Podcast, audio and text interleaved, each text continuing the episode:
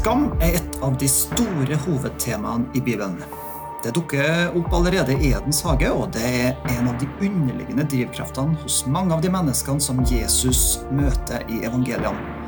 Gud har derfor noe viktig å fortelle oss når skamfølelsen treffer oss, ved at Guds kjærlighet og nåde viser vei mot helbredelse og gjenopprettelse. I tre episoder av Bibelkvarteret skal vi belyse dette temaet på sende. Vi håper du vil følge oss gjennom denne serien. Manuset til episodene kan du finne på sennep.nett. Og legg gjerne igjen en kommentar til oss, eller send oss gjerne en feedback på Instagram-kontoen vår. Vi ønsker deg en god lytting.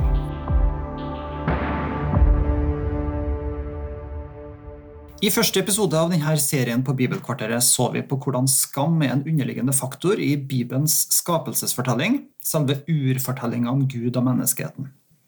I denne episoden skal vi se nærmere på hvordan Jesus i evangeliene forholder seg til skammen som vi bærer på som mennesker.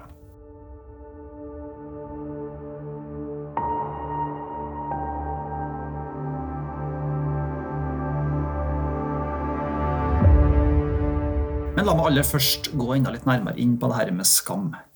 For skam er egentlig et ganske underkommunisert fenomen inntil nylig her hos oss i Vesten. Og Det er noen historiske linjer som gjør at det har blitt sånn. La meg bruke et par minutter på å forklare hvorfor. En av de mest markante hendelsene i Vestens historie er reformasjonen på 1500-tallet, basert på Martin Luthers kritikk av katolisismen. Og En av de viktigste oppdagelsene Luther gjorde, var den bibelske forståelsen av skyld. Kort oppsummert, Jesus hadde tatt straffen for vår skyld, Juridisk sett så kan vi erklæres som rettferdige ved troen på Jesus Kristus, og rettferdiggjørelsen er en individuell sak mellom meg og Gud, hvor vi ikke kan gjemme oss bak en kollektiv tilhørighet til den store kirka. Hva har det her med skam å gjøre, tenker du kanskje? Jo, greia er at det er forskjell på skyld og skam. Skyld er personlig, skam er sosialt. Skyld handler om hva vi har gjort, og hvordan vi kan gjøre opp for oss. Eller rettere sagt hvordan Jesus har gjort opp for oss, for å trekke inn det her med rettferdiggjørelse. Og Motsatsen til skyld det er uskyld eller frikjennelse, da, for å holde oss til litt sånn juridiske termer. Men skam derimot handler om sjølbildet vårt og forholdet vårt til andre. I positiv forstand hjelper en sunn skamfølelse oss til å opptre hensynsfullt og empatisk overfor andre. Men skam kan også gjøre at vi vil gjemme oss for andre, enten det er for Gud i Edens hage, eller for medmennesker som vi har tapt ansikt overfor. Skam handler altså om hvordan andre ser oss, eller rettere sagt hvordan vi tror at andre ser oss. Motsatsen til skam er ære, et begrep Bibelen snakker mye om. Tradisjonelt sett har derfor problematikken rundt skam, ære, vært mer iøynefallende i mange ikke-vestlige kulturer. At tilværelsen spinner rundt at du og dem du tilhører, snakkes godt om av andre. Hva andre mener om oss, at det viktigste i livet er å bli møtt med ære og anseelse, og at det verste som kan skje oss, er å bli utsatt for skam og sosial avvisning. Bibelen har jo blitt det i en ikke-vestlig kultur og har derfor mye å si om skam. Lexham Bible Dictionary kommenterer at eh, skam var et hovedspørsmål i bibelsk tid, og at både grekere, romere og jøder anså skam som en hovedsak i deres kulturer. I antikken var skam avgjørende for en persons sosiale anseelse i samfunnet. Én ting var om ingen la merke til at du brøt de sosiale normene, men om du ble oppdaga, ville det verste skje, og du følte skam over deg sjøl og familien din. Og denne Frykten for å bli vanæra mens alle andre hørte på, gjorde at skamfulle mennesker som regel holdt seg unna store folkemengder. La oss derfor se nærmere på de to viktigste aspektene ved det evangeliene har å si om skam.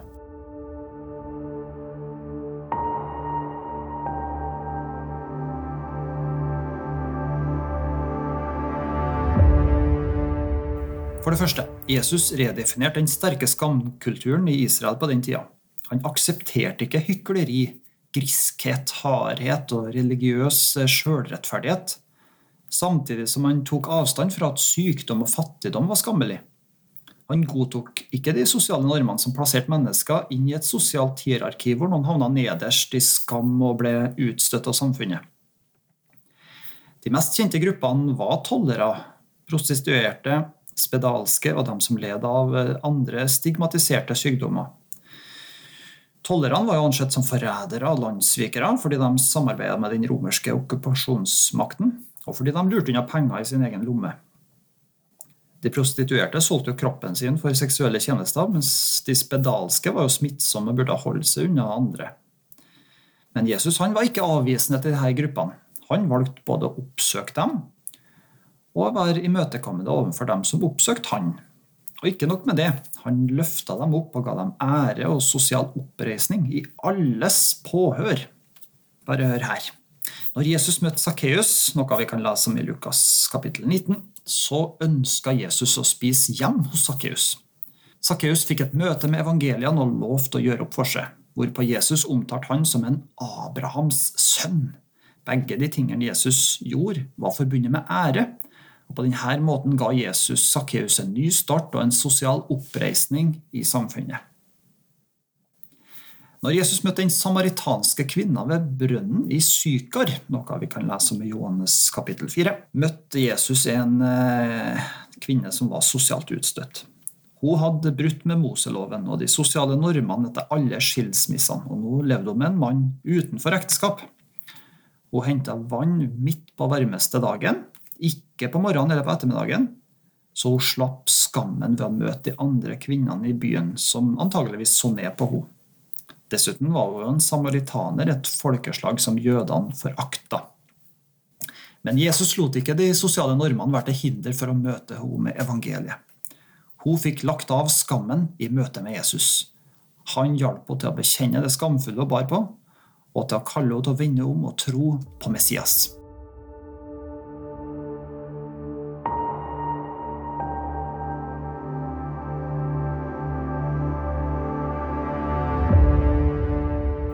Tredje eksempel er kvinna med alabastkrukka.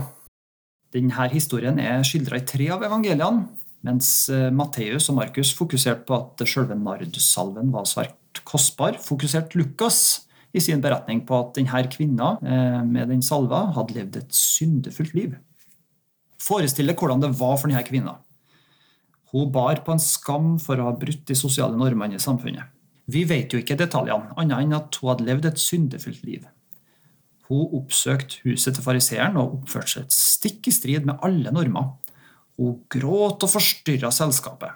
Hun salva hodet og føttene til Jesus og tok egentlig over vertskapets oppgaver. Hun hadde for så vidt ingenting mer å tape av sosial anseelse. Hun var på bunnen. Mens Jesus, som tross alt var invitert hjem hos denne fariseeren, han hadde jo gode muligheter for å få økt anseelse ved å avvise denne utstøtte og forakta kvinna. Men Jesus var ikke opptatt av sin egen anseelse. Mens alle hørte på og demonstrerte den evangeliet ved å tilgi syndene hennes og Guds frelse over denne dama. Et fjerde eksempel det er historien om kvinner med blødninger. Ifølge Moseloven var kvinner uren pga. blødningene, og denne stigmatiserte kvinna prøvde å skjule seg i folkemengden så godt hun kunne. Men Jesus kalte henne fram i lyset, så hun fikk fortelle sitt vitnesbyrd om det som hadde skjedd. Også her viser Jesus kraften i evangeliet. Ikke nok med at hun ble helbreda for blødningene, eller at Jesus ga henne frelse ved evangeliet, men Jesus kalte henne for datter. Og Det var det fineste du kunne kalle en jødisk landskvinne. Jesus ga ære og sosial oppreisning i alles påhør ved å omtale denne dama som ei datter av Israel.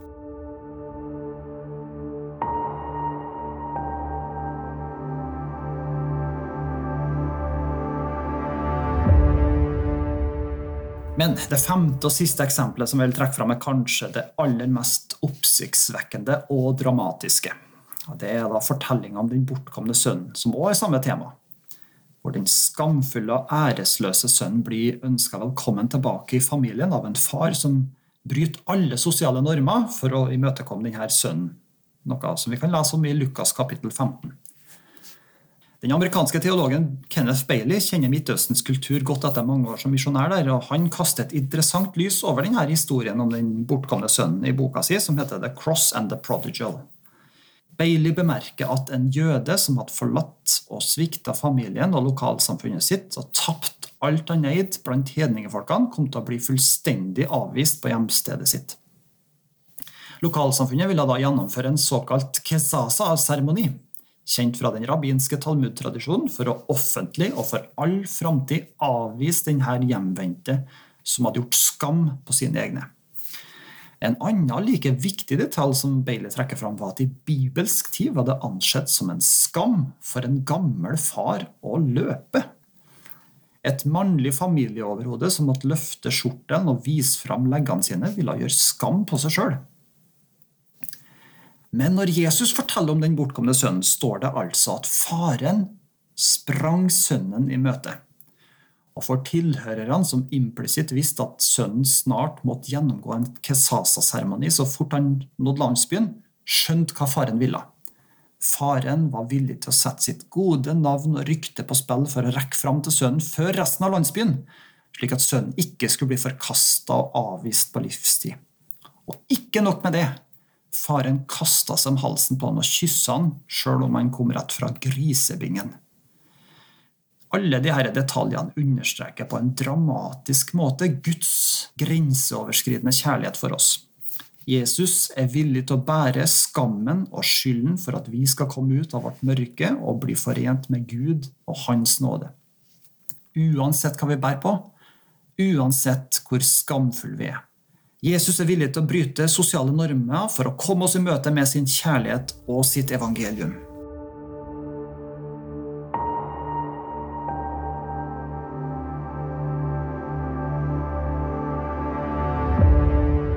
Det første hovedaspektet ved evangeliene er altså hvordan Jesus ikke lot seg styre av de sosiale normene som andre hadde satt. Han var opptatt av å forkynne evangeliet for dem som trengte det.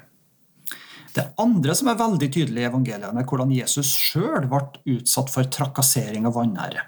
Det var ingen grenser for hvor hånlig og nedlatende de jødiske lederne og romerne behandla Jesus ved korsfestelsen. De gjorde det de kunne for å ydmyke, fornedre, sjikanere og latterliggjøre han. De både spytta på han,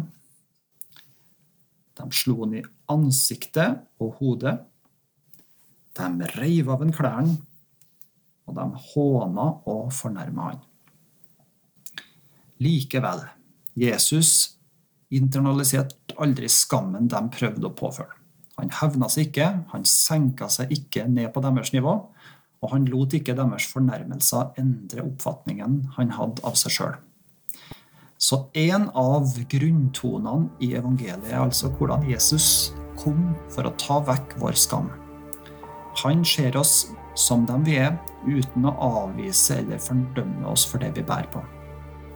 I stedet inviterer han oss alle til en byttehandel, hvor han tar vekk vår skam, og inviterer oss til å følge han som vår frelser og herre. På den måten løfter han oss opp og gir oss en ære ingen kan ta fra oss. Og i dåpen blir vi kledd i Kristus, slik at vi ikke lenger lever avkledd i frykt for at noen skal gjennomskue og oppdage oss.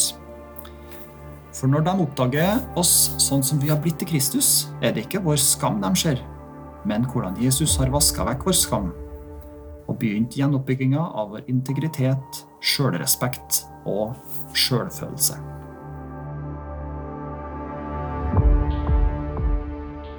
Du har nå hørt en episode fra Bibelkvarteret på sennep.nett. Du vil også finne mer stoff på sennep.nett som gir deg inspirasjon til å følge Jesus i hverdagen. Innholdet på Sennep er gratis og tilgjengelig for alle, takket være økonomisk støtte fra kristent nettverk, menigheter og enkeltpersoner. Du kan også hjelpe oss ved å be for oss, dele innholdet vårt med venner og bekjente, rate podkastene i den podkastappen du bruker, eller ved å gi en gave på VIPS. VIPS nummer 54 66 68. Takk for at du lytta til sennep.nett.